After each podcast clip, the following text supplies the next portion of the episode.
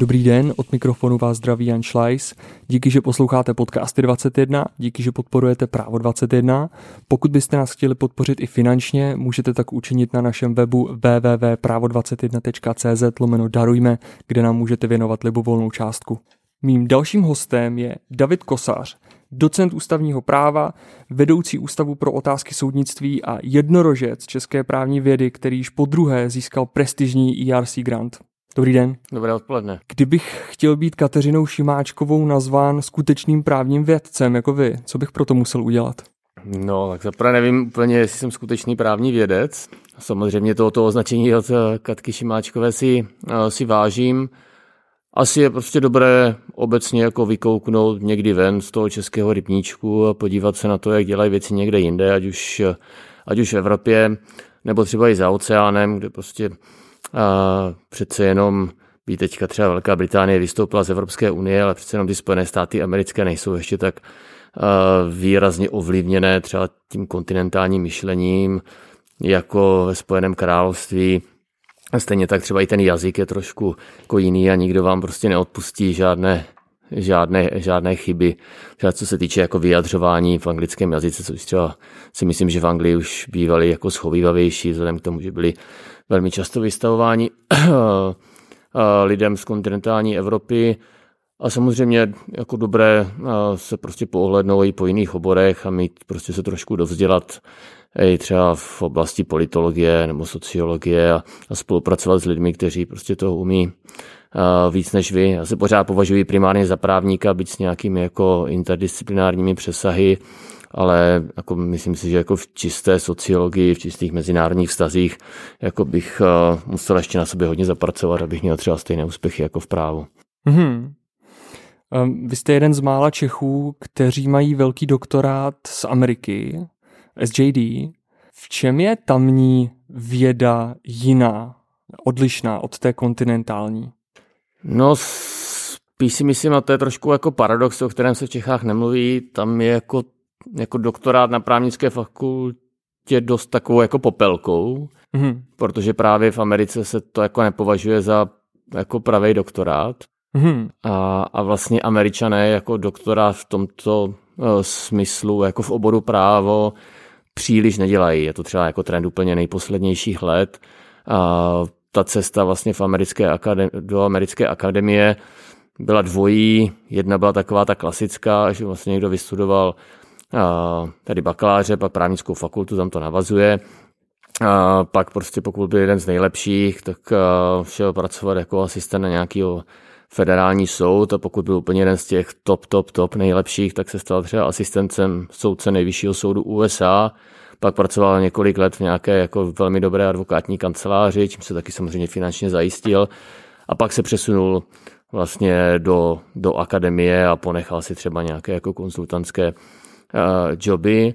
A druhá cesta, řekněme novější, byla taková, že vlastně si někdo udělal jako vystudoval práva, ale pak si udělal doktorát v jiném oboru. To znamená, a to se jako měnilo. Jako bývala to sociologie, bývala to třeba historie, když byl frčel jako hodně originalismus, poté jako se to přesunulo třeba jako do politologie, nebo ekonomie, ekonomická analýza práva je extrémně silná v Americe, takže spousta těch, řekněme, novějších profesorů má prostě doktorát z jiného, z jiného oboru. A myslím si, že ta úplně nejnovější cesta je to, že i američané vidí, že, se, že má smysl dělat doktorát i v právu, ale myslím si, že to je prostě ten posledních pár let.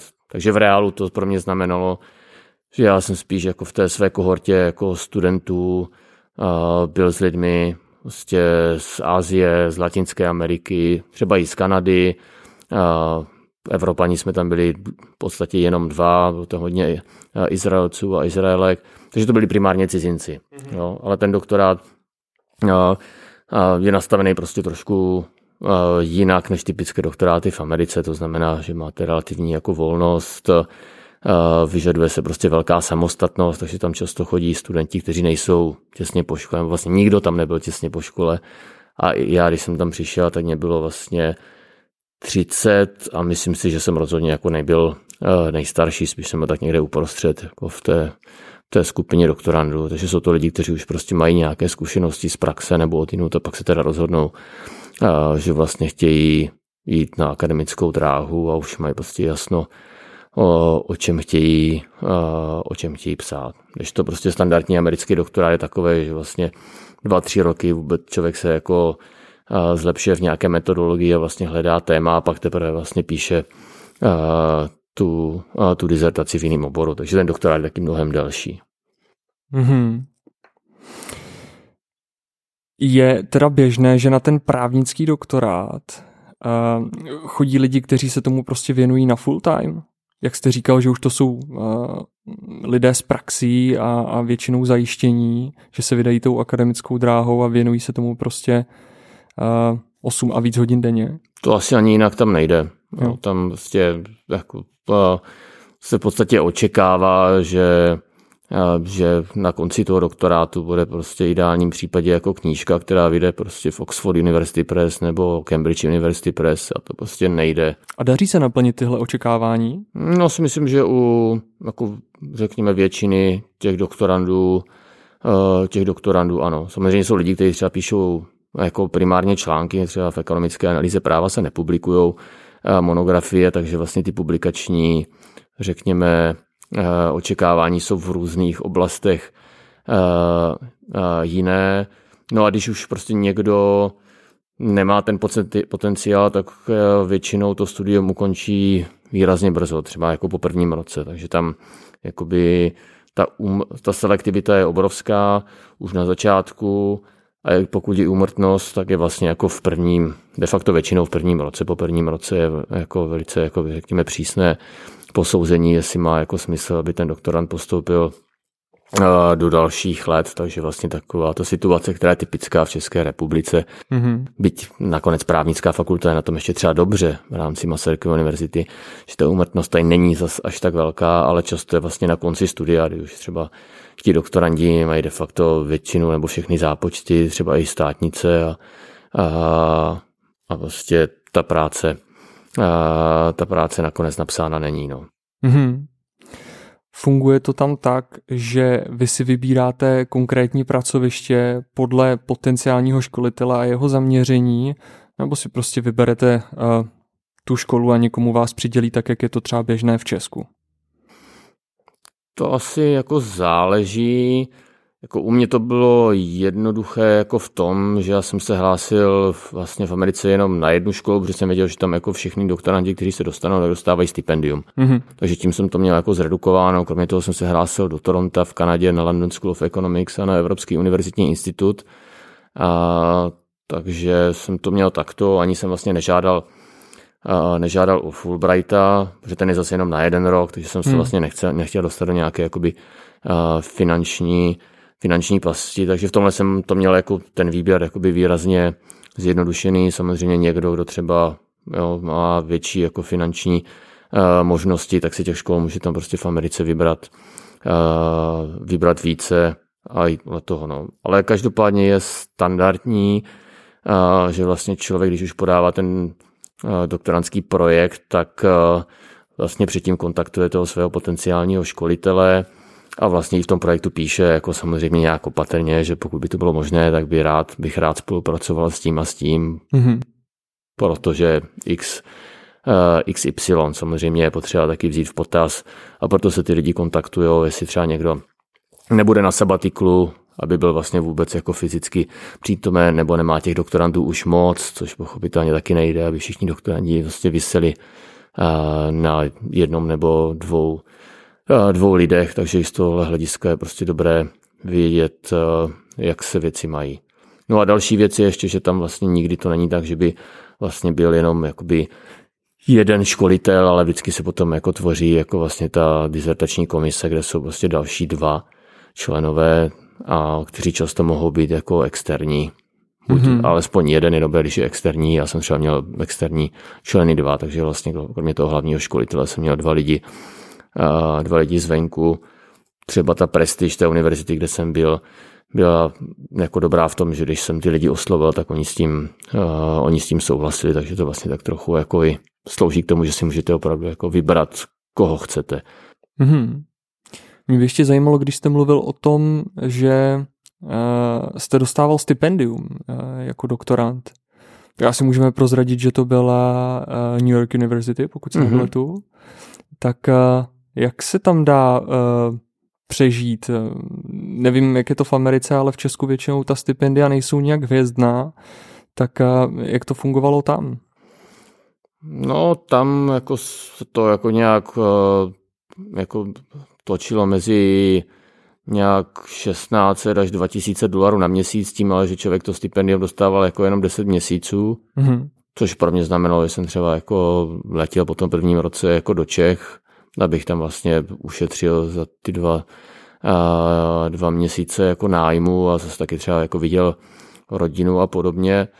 No jako není to jednoduché, člověk musí být jako opatrný na peníze, samozřejmě je lepší, když aspoň něco málo jako v záloze jako má, když tam jede, ale dá se z toho vyžít. Jako New York v té době samozřejmě taky byla finanční krize, takže třeba ten život 2009 až 2012 byl výrazně levnější než třeba o 10 let později. Dolar v té době klesl někam k 16 korunám, takže třeba i ta konverze z české koruny byla jako výrazně výhodnější než třeba teď, kdy je prostě hodně nad 20 korun. Takže asi jsem v tomhle ohledu měl docela i štěstí, že jsem tam byl v době, kdy ten život v New Yorku nebyl tak finančně náročný, jak je třeba dnes, ale samozřejmě jako největší pálka je samozřejmě za financování bydlení, takže já jsem jako nemohl bydlet někde jako na kampusu nebo kousek od něj, takže jsem prostě bydlel v Brooklynu relativně jako uh, daleko v podnájmu.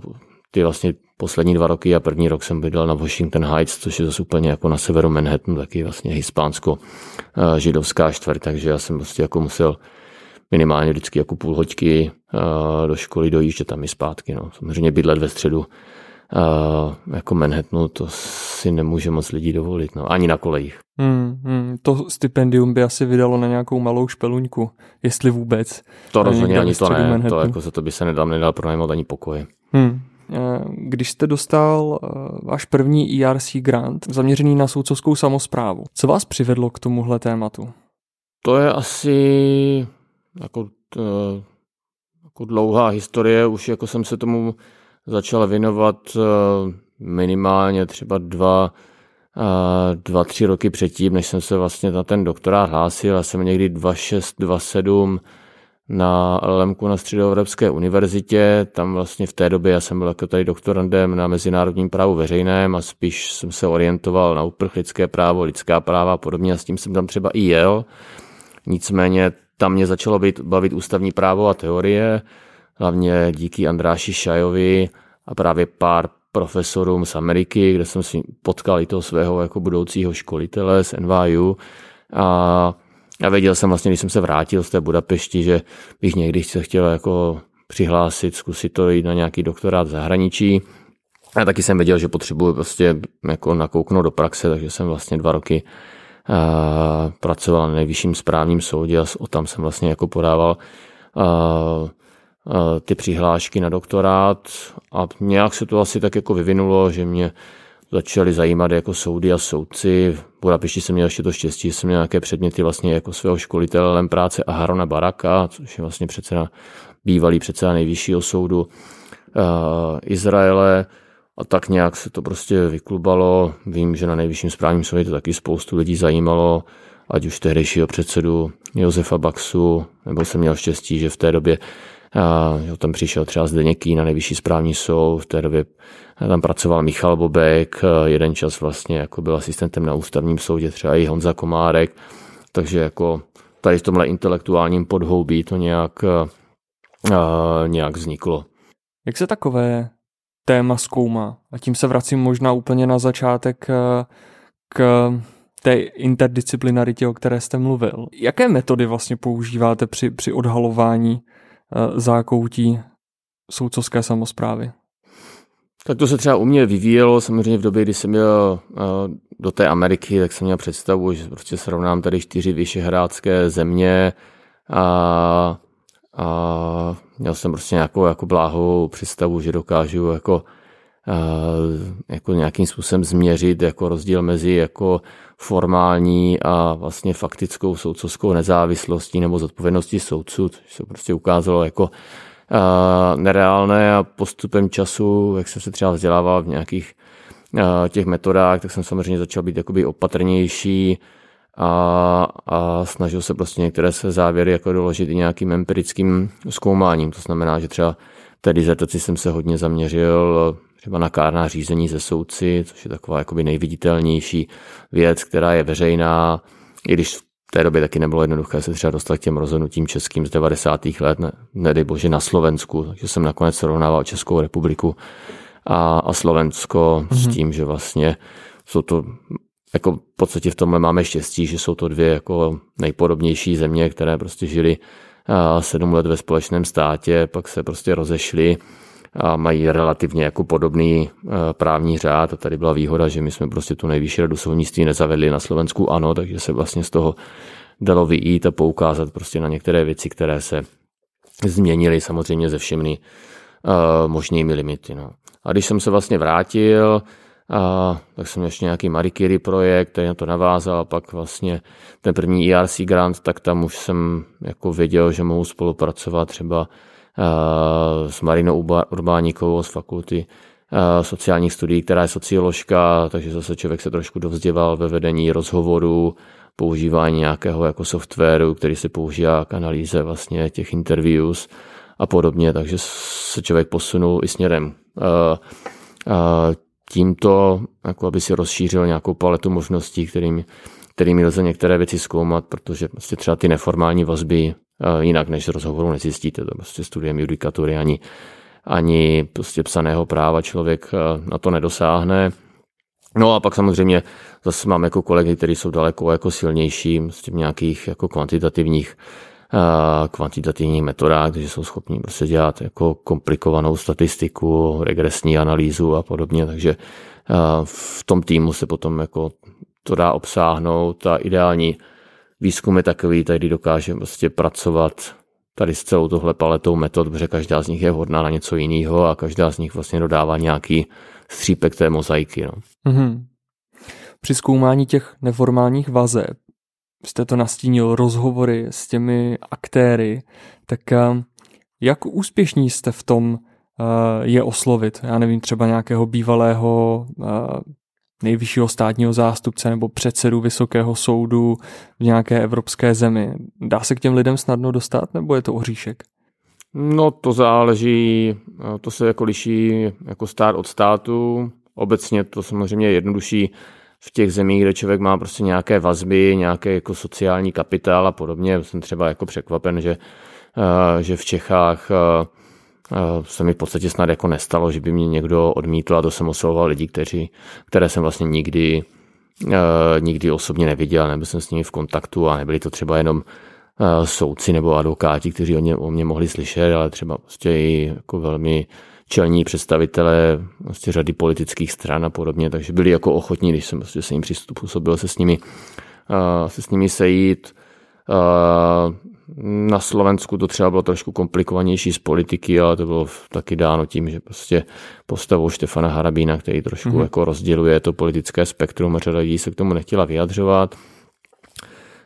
V Itálii si myslím, že ta situace byla docela dobrá v těch skupinách soudců a advokátů, politiků to zase bylo komplikovanější, ale my jsme měli štěstí, že jsme měli v týmu Itala, mm-hmm. který vlastně zase měl jako nějaký svůj sociální kapitál tam. Byl se překvapený, že to docela dobře šlo ve Francii, kde vlastně ti soudci obecně jsou považováni za takový zdrženlivější a ne příliš ochotní jako komunikovat, protože historicky vlastně soudci tam jako se snaží držet jako spíš vzadu a spíš být vnímání jako kolektiv, než nějaký jako jednotlivci nebo celebrity, tak tam to šlo dobře a větší problémy jsme měli paradoxně v Německu, a, a největší asi v Polsku v tom smyslu, že tam prostě jako politici, prostě z určité, politici z určité části politického spektra hlavně se jako okolo té vládnoucí strany práva a spravedlnost vzhledem k těm problematickým soudcovským reformám, tak se s náma jako bavit moc uh, nechtěli a nechtějí, no, takže tam to je trošku složitější. No. Vy jste nastínil, že jste měli v týmu Itala. Já obecně chápu, že eh, nějaké lidi eh, z Brna nebo obecně z Česka znáte a že dostat je třeba do toho projektu není tak komplikované, ale co ti zahraniční spolupracovníci? Tam využíváte vy vaše známosti nebo se to nějak nabalí? Případně to jde přes eh, nějaké vypsané místo na ústavu? Jak to funguje? No, když vlastně byl ten jako první RC Grant, tak já už jsem vlastně měl představu o nějakém jádru toho týmu, jako z lidí, kteří se tady obecně, jako jsme se setkávali už na nějakých jako uh, výzkumných obědech a diskutovali jsme věci, a, takže to, to bylo jako jádro toho týmu, byť samozřejmě trvalo, než se nějak jako konsolidoval, někdo prostě dodělával nějaký, nějaký studium v Oxfordu, někdo ještě nějaký čas třeba a, pracoval jako na soudě, někdo se potřeboval vyvázat z nějakých jiných věcí, někdo je prostě na fakultě sociálních studií, tak se třeba nedá jakoby zaměstnat na plný úvazek a podobně.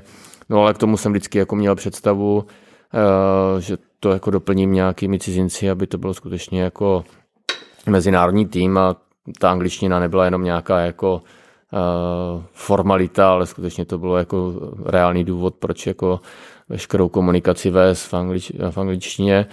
A tam prostě jsem jako použil primárně svoje jako vazby. No. Člověk jako jezdí, aby se udržel jako a nějak jako na vrcholu v té oblasti svého oboru, tak samozřejmě musí objíždět relevantní konference, čas od času strávit nějaký čas v nějakých výzkumných centrech v zahraničí, takže já jsem třeba jezdíval pravidelně na Max Planck Institut mm-hmm. do Heidelbergu, kde zase jako je celá řada cizinců, který člověk a doktorandů, který tam Eh, který tam eh, pozná, což bylo dáno tím, že jsem měl prostě malé děti a nikam jsem lítat s nima nemohl, takže to muselo být něco, kde, kam jsme schopni jako reálně dojet autem jako v rozumné době.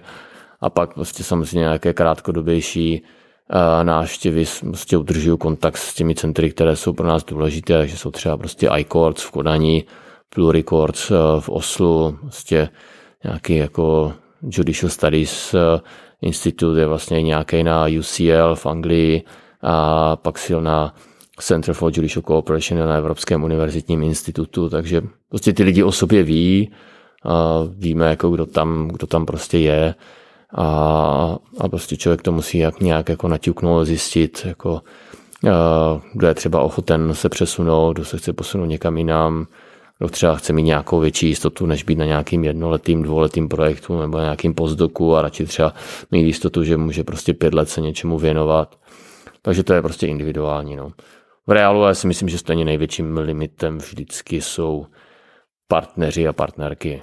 Mm-hmm. Jo, že když člověk má jako zajímavý projekt a ví se o něm, že je prostě aspoň trochu dobrý, tak to třeba ty jako výzkumníky přiláká, ale oni samozřejmě vždycky řeší, jestli ten jejich partner nebo partnerka je schopen dostat jako adekvátní práci v tom městě, kde budou a to tady prostě na to člověk jako často narazí, no, že prostě když má někdo partnera, který prostě je, já nevím, v leteckém průmyslu, tak prostě v Brně jako, i kdyby člověk sebe víc chtěl, tak jako mu najít nějaký jako relevantní job nemůže, takže to třeba u někoho jako řeší tím, že prostě by třeba se něco, nějaká rozumná práce dala najít ve Vídni nebo něco mm-hmm. takového, ale vlastně žádné jiné další jako dostatečně jako velké město, kde by jako se dělali nějaké trochu víc globální věci, tak tady poblíž není. No. Takže to je výhoda i nevýhoda samozřejmě uh, Brna.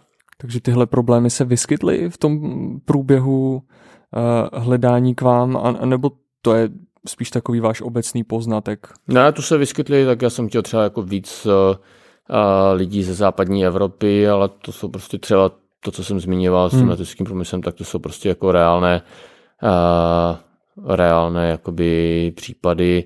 Samozřejmě pro doktorandy třeba z Francie, Německa, Rakouska, uh, tac, že jo, štace v České republice je mnohdy vnímána trošku jako by slepá ulička, mm-hmm. protože oni vlastně potřebují uh, potom doktorátu ideálně zůstat té svojí vlastní zemi a vybudovat si nějaký vztah s nějakým svým mentorem, kterým ta pak potřeba pomůže jako k habilitaci, typicky v Německu a v Rakousku.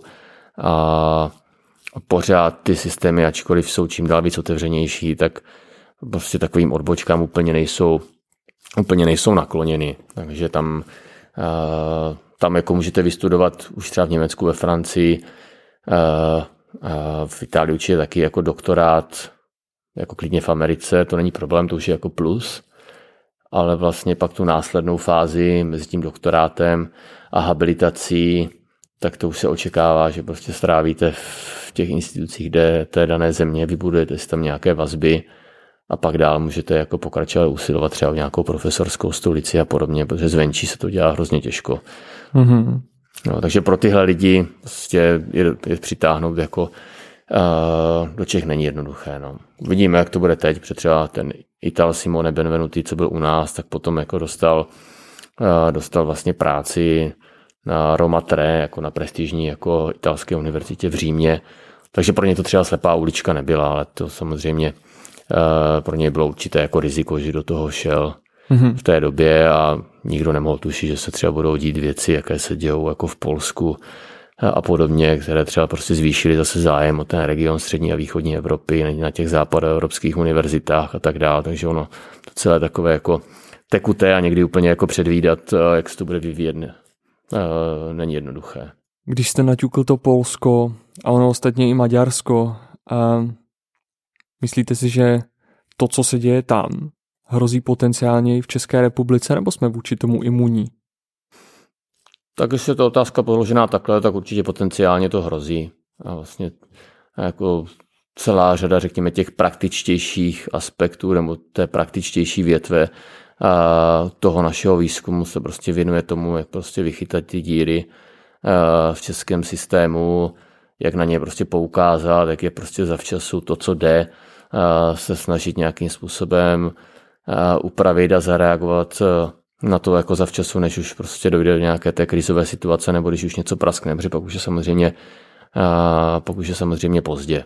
Hmm. Jo, takže potenciální hrozba tady je, byť jako samozřejmě ta situace se jako asi úplně v nejkratší jako perspektivě nevyvíjí, nevyvíjí podobně a třeba i jako politologové Někteří prostě o tom, o tom píší, že prostě ta situace v České republice je trošku jiná, ale viděli jsme, že prostě tady byla problematická v podstatě poloautoritářský režim Vladimíra Mečera na Slovensku, měl prostě nějaké sklony, tomu měli třeba i Rakousko za doby pana Hajdra a vidíme, že vlastně Maďarsku už jako dlouhodobě, v podstatě od roku 2010, se posouvá jiným směrem. V Polsku si myslím, že je to pořád takové jako uh, hodně těsné. Mm-hmm. A ta společnost je rozpolcená, takže jako představa, že Česká republika je, jak se jak někdy trošku jako Masaryk s Benešem jako uh, se snažili v tom meziválečném období tvrdit, že je to prostě to Švýcarsko uh,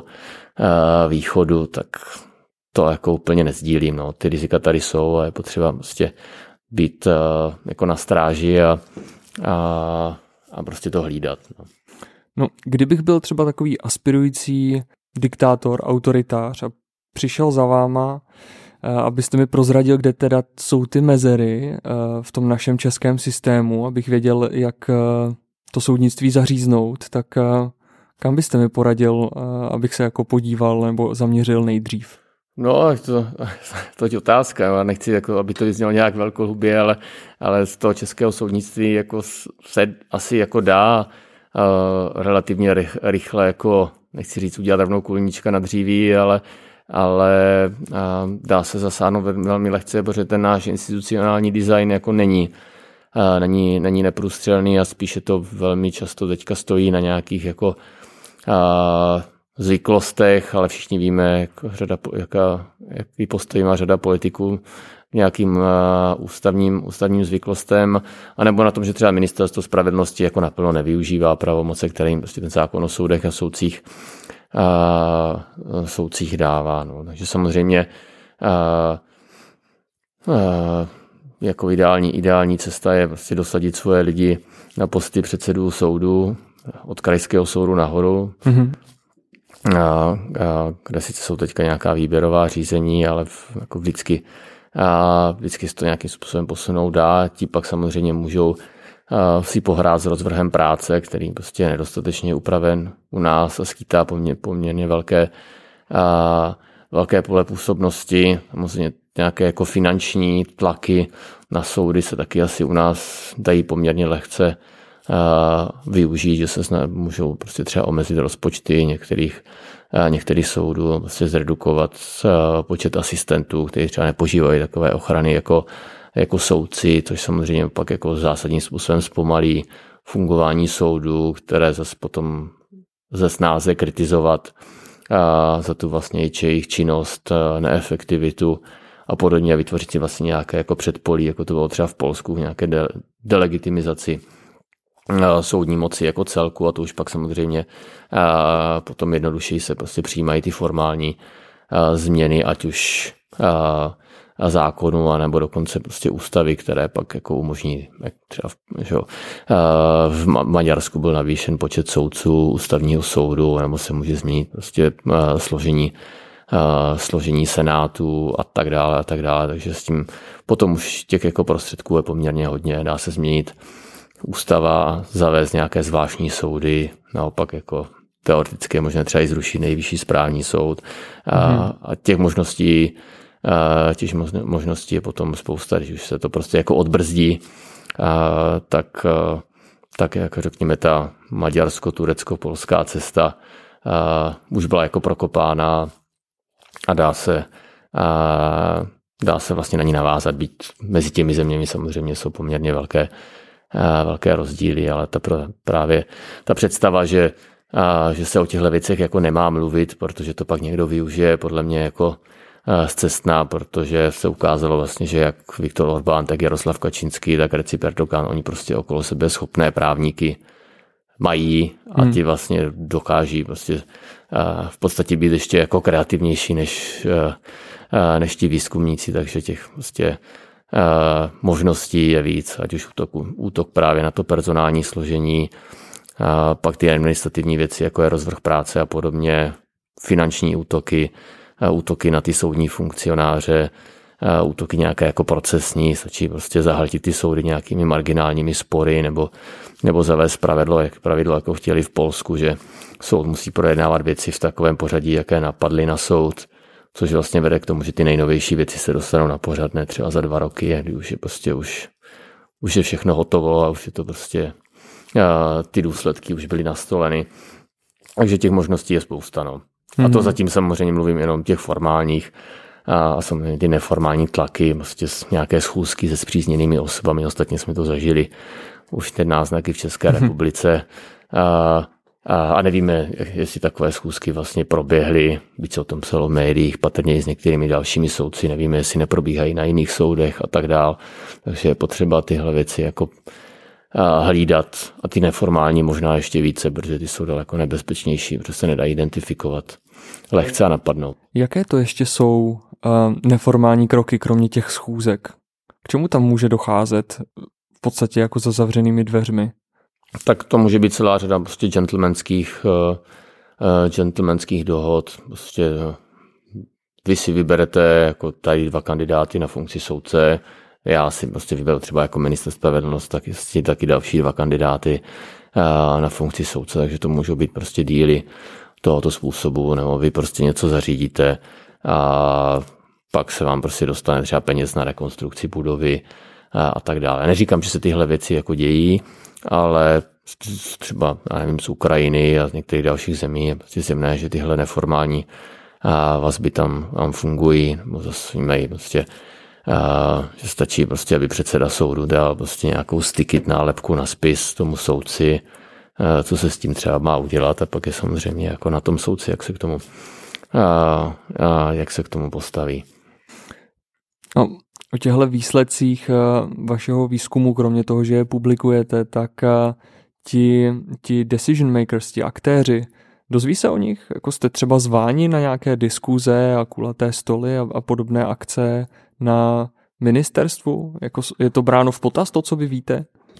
To jako musím pozitivně kvitovat, že když byly třeba kulaté uh, stoly a ministerstvo spravedlnosti za, za do pana kněžínka, tak jsme byli jakoby pravidelně zváni a naše prostě názory, neříkám, že byly přijaty, ale byly minimálně vyslechnuty a, a reflektovány, takže nás podle mě ti jako téři nějakým způsobem berou, a, ale hm, to bylo spíš jako, řekněme, vzácná konstelace hvězdy, tak to jako otevřené kulaté stoly, třeba s přizváním někoho z té, z té právnické akademie probíhaly. Jinak si myslím, že od té doby vlastně nic takového nebylo, ani před, dříve nebylo. Když se prostě schází třeba prostě ministr s kolegiem předsedu krajských soudů, tak tam nás samozřejmě nikdo nezve, protože je to prostě interní schůzka jako těchto dvou těles. Jo. Takže mm-hmm. a stejně tak, když je prostě nějaká jakoby setkání, se to měnilo justiční šestky, osmičky, devítky, tak tam vlastně taky nikdo a, z té akademické obce není. Tam jsou vlastně typicky a, vlastně představitelé vrcholných soudů, nejvyšší, nejvyššího státního zastupitelství a, a, a třeba někoho z, nižší, z nižších soudů. Takže často ta debata, vlastně o tom jsem psal, taky se vede prostě mezi politiky, nejenom ministerstvem spravedlnosti, ale mezi politiky a těmi představiteli vrcholnými českého soudnictví a vlastně to zapojení nějakých jiných složek je poměrně malé, ať už akademiků nebo advokátů, no já nevím, třeba při těch personálních otázkách, samozřejmě by dávalo smysl, smysl, smysl tam i někoho jako z HR, který zase naopak jako rozumí tomu procesu jako výběru a je do toho schopen jako vznést nějakou jakoby kvalitu jinou, protože ti soudci dokážou ocenit jakoby ty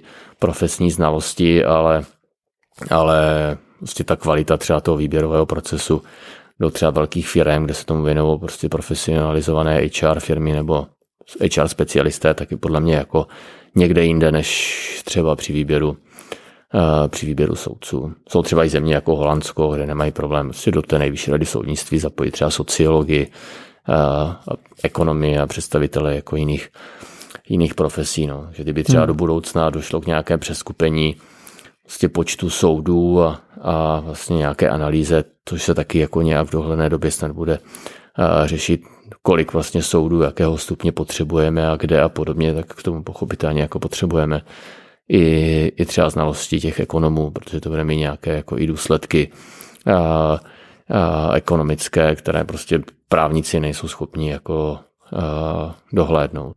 Mm-hmm. Nakolik je to reálné, že taková reforma v Česku proběhne? Že často se mluví třeba o tom, že nepotřebujeme správní úseky na každém krajském soudě, že ostatně těch krajských soudů nemusí být tolik. Na druhé straně se pak zase hovoří o tom, že některé menší soudy, ty pobočky, by se měly osamostatnit, Liberec a Pardubice, tak eh, to jsou takové dva protipóly. Je, je jako reálné, že se nějak výrazně překope ta justiční mapa? Uvidíme, no, tak je to, podle mě je to projekt uh, uh, dlouhodobý, to je prostě potřeba v ideálním případě jako udělat nějaké nějaký sérii, uh, sérii jako rozhovorů hloubkových, tomu to doplnit prostě nějakým dotazníkovým šetřením nejenom třeba mezi soudci, ale právě i mezi, mezi advokáty jako uživateli toho systému. Samozřejmě se dá zjistit informace od české veřejnosti, je potřeba to napojit třeba na nějaký, taky vlastně spolupracujeme na nějakém projektu, který by v ideálním případě měl, měl vést k nějakému jako pilotnímu vyzkoušení nějakého online soudnictví, byť to je jako obecný pojem a třeba jim Pavel Otocký vám k tomu řekl určitě více, protože na to psal jako svoji závěreč, závěrečnou práci, takže i to je potřeba vzít v potaz, protože u nás nějaká jako zásadní reforma justiční mapy, pokud nebereme samozřejmě nějaké komunistické reformy, které ale taky zásadně nezměnily jako třeba jako sídla těch krajských soudů, tak tam došlo třeba ke zrušení vrchních soudů a podobně, ty změny byly jiné, tak vlastně od Rakouska, Uherska tady jako nějaká žádná zásadní reforma jako nebyla a pokud bychom nějakou přijímali a nedej bože se nám ji podařilo přijmout, tak musíme počítat s tím, že to je zase třeba jako pár desítek let bude, takže musí být natolik jako promyšlená aby a flexibilní, aby dokázala jako vstřebat i ten vývoj třeba to online soudnictví je prostě v zahraničí jako trend, který, kterému se asi nebude dát dlouhodobě jako vyhnout v některých oblastech eh, eh, práva, takže to do toho jako zakomponovat. No. Mm-hmm. A pak eh, je to prostě, za mě je to stejně jako zavedení eura prostě politická otázka, takže pak bude muset mm-hmm. být někdo, kdo si to vezme za své, někdo, kdo bude mít dostatečně silné postavení ve své politické straně, silné postavení ve vládě a tento prostě jako potom uh, protlačí. No. Ale obecně ten trend je v Evropě zjevný, jako redukce počtu soudů, redukce zvláštních soudů, ty my jako moc nemáme a, a v tom pravém slova smyslu, jsou vlastně zakázaný ústavou a, a prostě reakce na to, že ta dopravní obslužnost je samozřejmě daleko lepší, než byla před 50 nebo před 100, a před 100 lety a mm-hmm. pokud no, se umožní prostě v, v nějakých jako podobách jako nějaká digitalizace jako fungování s výkonu soudnictví nebo právě to online soudnictví, tak uh, se opravdu jako dají dělat jako výrazné, uh, výrazné změny. Mm-hmm. Mám občas z médií pocit, že česká justice na tom není dobře, že Občas vycházejí novinové články, kde se vytáhne selektivně nějaký hmm. případ třeba nějakého prodlení nebo vážných pochybení, typicky v trestních věcech. Ale když se třeba podívám na EU Justice Scoreboard, tak tam jde vidět, že vlastně česká justice je eh, na tom docela dobře. Tak eh, jaká je podle vás její kondice?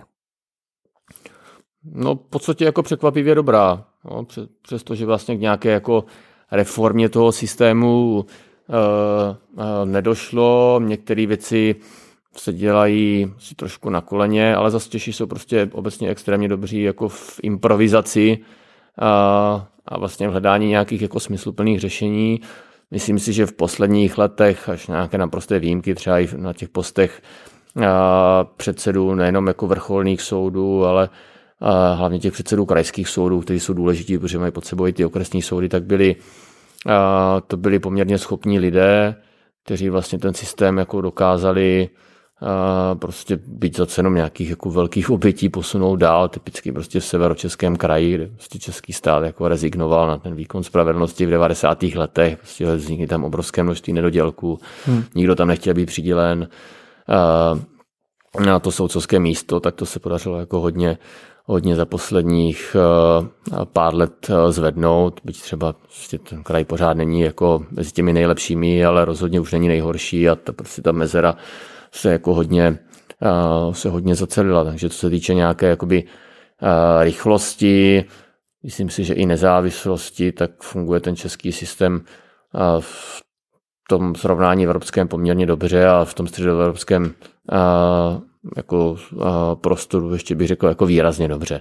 Mm-hmm. Kde jako spíš si myslím, že pokulhává, tak to jste trochu naznačil vlastně v reakci na těch pár excesů, nebo prostě o těch věcech, které nakonec vyplavaly na, na povrch v souvislosti s, jako s insolvenční mafií, no, s některými dopravními přestupky a, a, a tak dále, tak se o nich jako šuškalo, myslím o problematickém fungování prostě vrchního soudu v Praze se taky nějak jako vědělo, samozřejmě nikdo neznal jako detaily a konkrétní osoby a že ten prostě systém na to nedokázal zavčas jako zareagovat, že prostě neprobíhají nějaké prověrky spisů, které by na něco takového prostě byly schopny narazit a, a takže to je jakoby jeden, jeden aspekt a, a myslím si, že a co třeba jako zaznívá, neradi to někteří soudci jako vrcholných soudů třeba jako slyší, a je to, že prostě v určitých specializovaných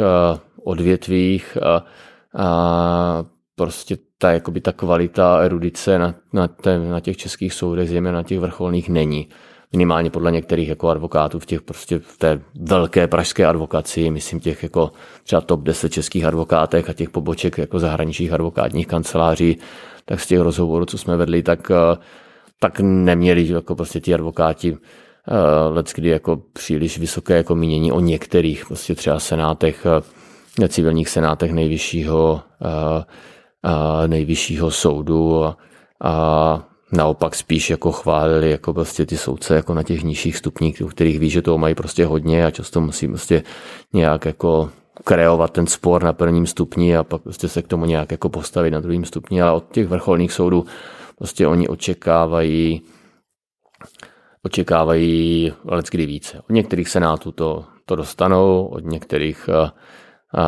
Senátu nikoliv a díky tomu, že tam je prostě výrazná specializace a není tam nějaká konkurence mezi třeba Senáty na určitou agendu, tak to potom v některých oblastech třeba trochu zabetonované. No. Často, když se řekne soudcovská samozpráva, tak se mluví o nejvyšší radě soudnictví. Je to dobrý nápad zavádět ji u nás?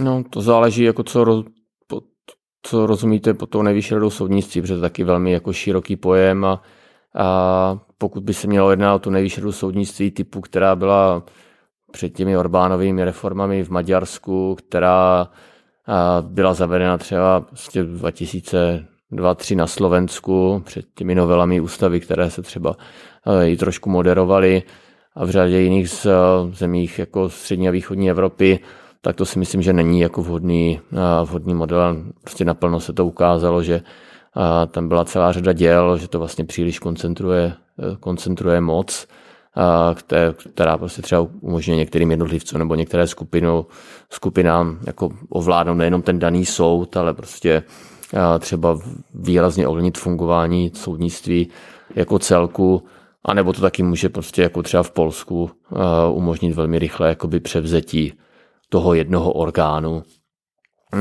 který má zásadní vliv a odvoláním jeho členů a dosazením svých vlastních lidí a tím pádem v podstatě pod kontrolu a dostat jako výběr nových soudců. No.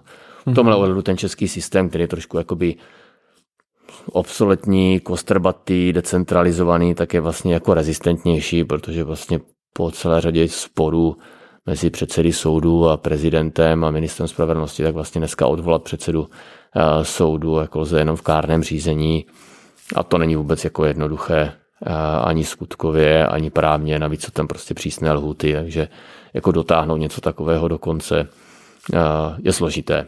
Mm-hmm. No, takže silnou nejvyšší radu soudnictví nikoliv, ale už jsem se dříve jako vyjádřil, že pokud by byla třeba nějaká jako formalizovaná komise pro výběr soudců nebo ten, nějaký ten slabší model nejvyšší rady soudnictví, který by spíš řešil otázky prostě rozpočtu, rozvrhu práce a třeba mohl mít i nějaké jako nominační pravomoci v těch personálních otázkách, tak to by jako smysl dávalo, ale nepřijde mi, že by tady v Čechách potom byla nějaká jako v současné době a, politická jako poptávka. No. Politici jsou právě po těch zkušenostech z okolních zemí v tomto velmi, a, velmi opatrní a i vlastně česká justice si myslím, že v tomto není jednotná, takže a, zase říkám, by se musel najít někdo, uvnitř toho soudnictví, kdo prostě ten sjednotí ten pohled a pak i někdo na tom politickém spektru, kdo něco takového prostě protlačí dál. Což mě osobně reálně se zdá, že jediný, kdo nějakým způsobem jako dlouhodobě koncepčně pracuje eh, na nějakém prostě reformě českého soudnictví, tak, eh, tak jsou Piráti a, a pan Michálek, který vlastně publikoval nějakou svou představu jako v jurisprudenci a o žádné jiné politické straně nevím, že by nějak jako detailně tuto problematiku rozvíjela. Mm-hmm. Je problém třeba i v tom, že ten rezort spravedlnosti není úplně stabilní? Ne, že by tedy jiné rezorty byly stabilní a, a minister tam vydržel třeba uh, celé funkční období, ale skutečně ty změny na tom postu ministra spravedlnosti byly takové překotné v minulosti nastavili si nějaké priority, pak přišel nový ministr, ten je třeba schodil ze stolu. Pomáhá to tomu? To je samozřejmě jako zásadní problém, a který se taky jako mnohokrát upozorňoval. Prostě jako fakt, že, a, že ta průměrná životnost jako ministra spravedlnosti byla někde pod rokem a půl.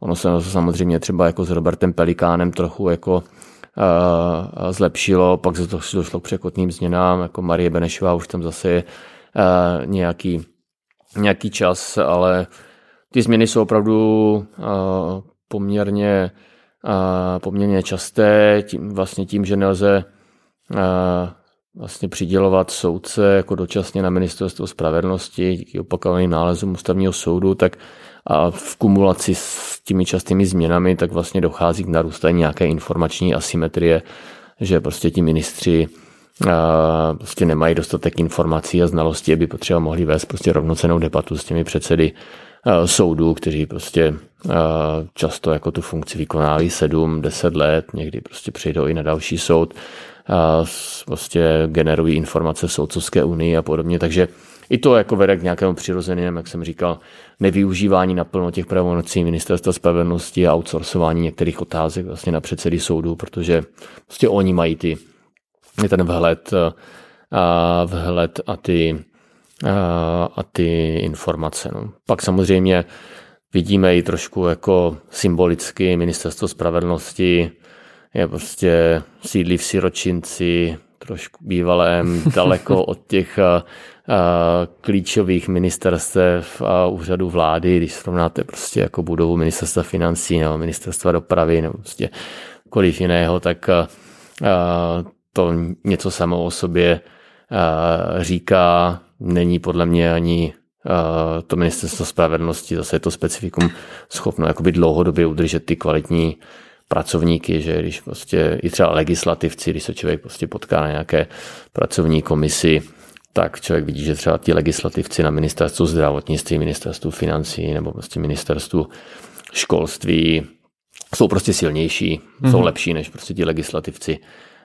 na ministerstvu spravedlnosti, což ale není jejich jako chyba, často jsou to prostě čerství, relativně čerství absolventi a podobně a není tam prostě nějaký systém a velmi rychle prostě ti právníci potřebují lépe placený job. To je prostě stejný jako IT specialisté a podobně, ale myslím si, že to něco jako hovoří o tom managementu toho ministerstva, to třeba jako Robert Pelikán snažil změnit a nějak jako tyhle odbory posílit a naplnit, tak si myslím, že prostě ta díra, která tam zůstala dříve, tak je prostě strašně těžko a strašně těžko zacelitelná. No. Takže to ministerstvo spravedlnosti, aniž by ho chtěl nějak jako příliš kritizovat, tak je a, není prostě jako v lehké, a, v lehké situaci. Přitom by, oni by měli být to elitní právnické hmm. pracoviště v celku pochopitelně vzhledem k tomu, k tomu jejich postavení. No.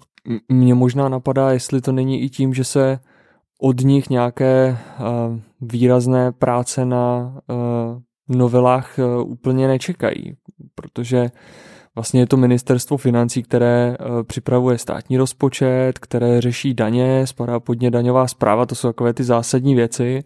Pak třeba stavební zákon spadá pod ministerstvo pro místní rozvoj a vlastně třeba procesní předpisy to není úplně populární, eh, populární politické téma, takže vlastně ehm, to ministerstvo ani nedostane prioritu a tím pádem nepotřebuje kvalitní lidi. Těžko říct, no, to já si to úplně jako nemyslím. Myslím si, že prostě v 90. letech to ministerstvo za ministra jako Nováka, samozřejmě za Otakara Motejla a když tam byl Pavel Rychecký nějaký čas a podobně, tak to jako elitní ministerstvo nepochybně bylo a prostě jako, jako diktovalo prostě v celé řadě otázek jako to tempo. A byl sice přijat jako nový občanský zákonník, který ale vzešel taky vlastně jako z ministerstva spravedlnosti a tu, tu komisi v čele s profesorem Eliášem taky jako dal dohromady Otakar Motejl. Pořád si myslím, že dneska je tady ještě jako hodně velkých výzev, které prostě tady ať už od těch procesních předpisů, jako občanský soudní řád, trestní, trestně právní předpisy, prostě zákon o státním zastupitelství, jakože třeba i ten zákon o soudech a soudcích leží prostě v parlamentu i v tom kárné, kárný řád, leží nějaké jako novely, které za mě nejsou třeba úplně dokonalé, ale prostě spousta věcí je nutné změnit. Máme prostě zákon prostě o právní pomoci, který nám prostě pořád chybí. No, prostě pak samozřejmě obrovské problémy s exekucemi, mm-hmm. jakým způsobem vlastně vyřešit jako nějaké osobní bankroty, odlužení a tak. To, to je taky jako parketa zaměné primárně ministerstva financí, ty řeší jako ty důsledky jako finanční, ale nastavit správně jako ten, ten zákon, to je pro mě parketa jako ministerstva spravedlnosti, takže to jsou mm. jako velké výzvy a stačí se jenom podívat, jak prostě vypadají a, a všechna ta nařízení a, a, vyhlášky v covidový v současné době, tak tam ta jako kvalita jako legislativní taky není, takže prostě to by taky podle mě ministerstvo spravedlnosti minimálně po nějaké jako řekněme té řemeslné stránce, mm-hmm. byť chápu, že to někdy samozřejmě jako rozhodnutí politické mělo dávat dohromady a, a mělo to cizelovat. Hmm. No, přijde mi, že co se týká covidových opatření, takže tam se všechny tady ty problémy snoubí, že tam opravdu uh, chybí nějaký základ, chybí tam sociologové, ekonomové v týmu, rozhodně někdo na public eh, relations. A je to takové smutné. No ale... To jo, ale tak to je jako ta samotná policy, to je jako to jo, rozhodnutí, jo, ale, určitě. ale i to vlastně jako zpracování řemeslné do toho právního jako předpisu je prostě strašně jako slabé, i, i pokud odhlédneme od toho, že, uh, že ta samotná jako to, to rozhodnutí o té veřejné politice je taky jako let, kdy nám asi jako nevyhovující, ale, ale i to překlopení ještě to jako v podstatě ještě zhorším. Ano, ano. výrazně. Souhlasím. Jo něco jiného je vyhlášeno veřejně, něco jiného se pak člověk přečte jako vyhlášené ve sbírce a teď jako jak se v tom má člověk orientovat. Často jsou tam mhm. prostě protimluvy, nepřesné prostě výrazy, špatné používání pojmu a to by se prostě v takto jako problematických situacích dít nemělo. No. Rozhodně. Mně ještě napadá, jak jste mluvil o, o Takaru Motejlovi, Pavlu Rycheckém, to jsou výrazné osobnosti byly v případě Otakara Motejla, tak eh, možná jestli to není tím, že žádná taková eh, osobnost jako není nominovaná za uh, politickou stranu. Někdo, kdo by měl, myslím vládnoucí politickou stranu, někdo, kdo by měl dostatečný respekt třeba u odborné veřejnosti a, a, uměl, řekněme, přetavit ten program jako v reálnou činnost toho ministerstva. To jako těž, těž, těžko Měl byste třeba tip na budoucího ministra spravedlnosti, koho byste si uměl představit z aktuální třeba politické scény? To popravdě řečeno jako úplně, úplně jako nevím, kdo by jako to mohl dělat. Samozřejmě vždycky, když třeba někdo přišel jako po druhé na to ministerstvo spravedlnosti, tak už se jako rychleji rozkoukal a mohl jako lépe, lépe fungovat, mm. ale obecně si myslím, že asi jako úplně v Čechách jako nefunguje to, že by v čele toho ministerstva spravedlnosti mohl být jako nějaký jako nadstraník, protože on pak jako působí dobře dovnitř jako té odborné veřejnosti, ale není schopen pak jako reálně reálně nic moc prosadit. Jo. Takže si myslím, že je prostě důležité, aby to byl prostě politik, který o této otázky jako má zájem a má nějakou, a, a, má nějakou vizi. No. Takže za mě a prostě, ať už prostě tam někdo přijde jako bývalý soudce, bývalý státní zástupce, bývalý advokát nebo něco takového, tak aniž by měl prostě silnou oporu v té vládnoucí politické straně, tak,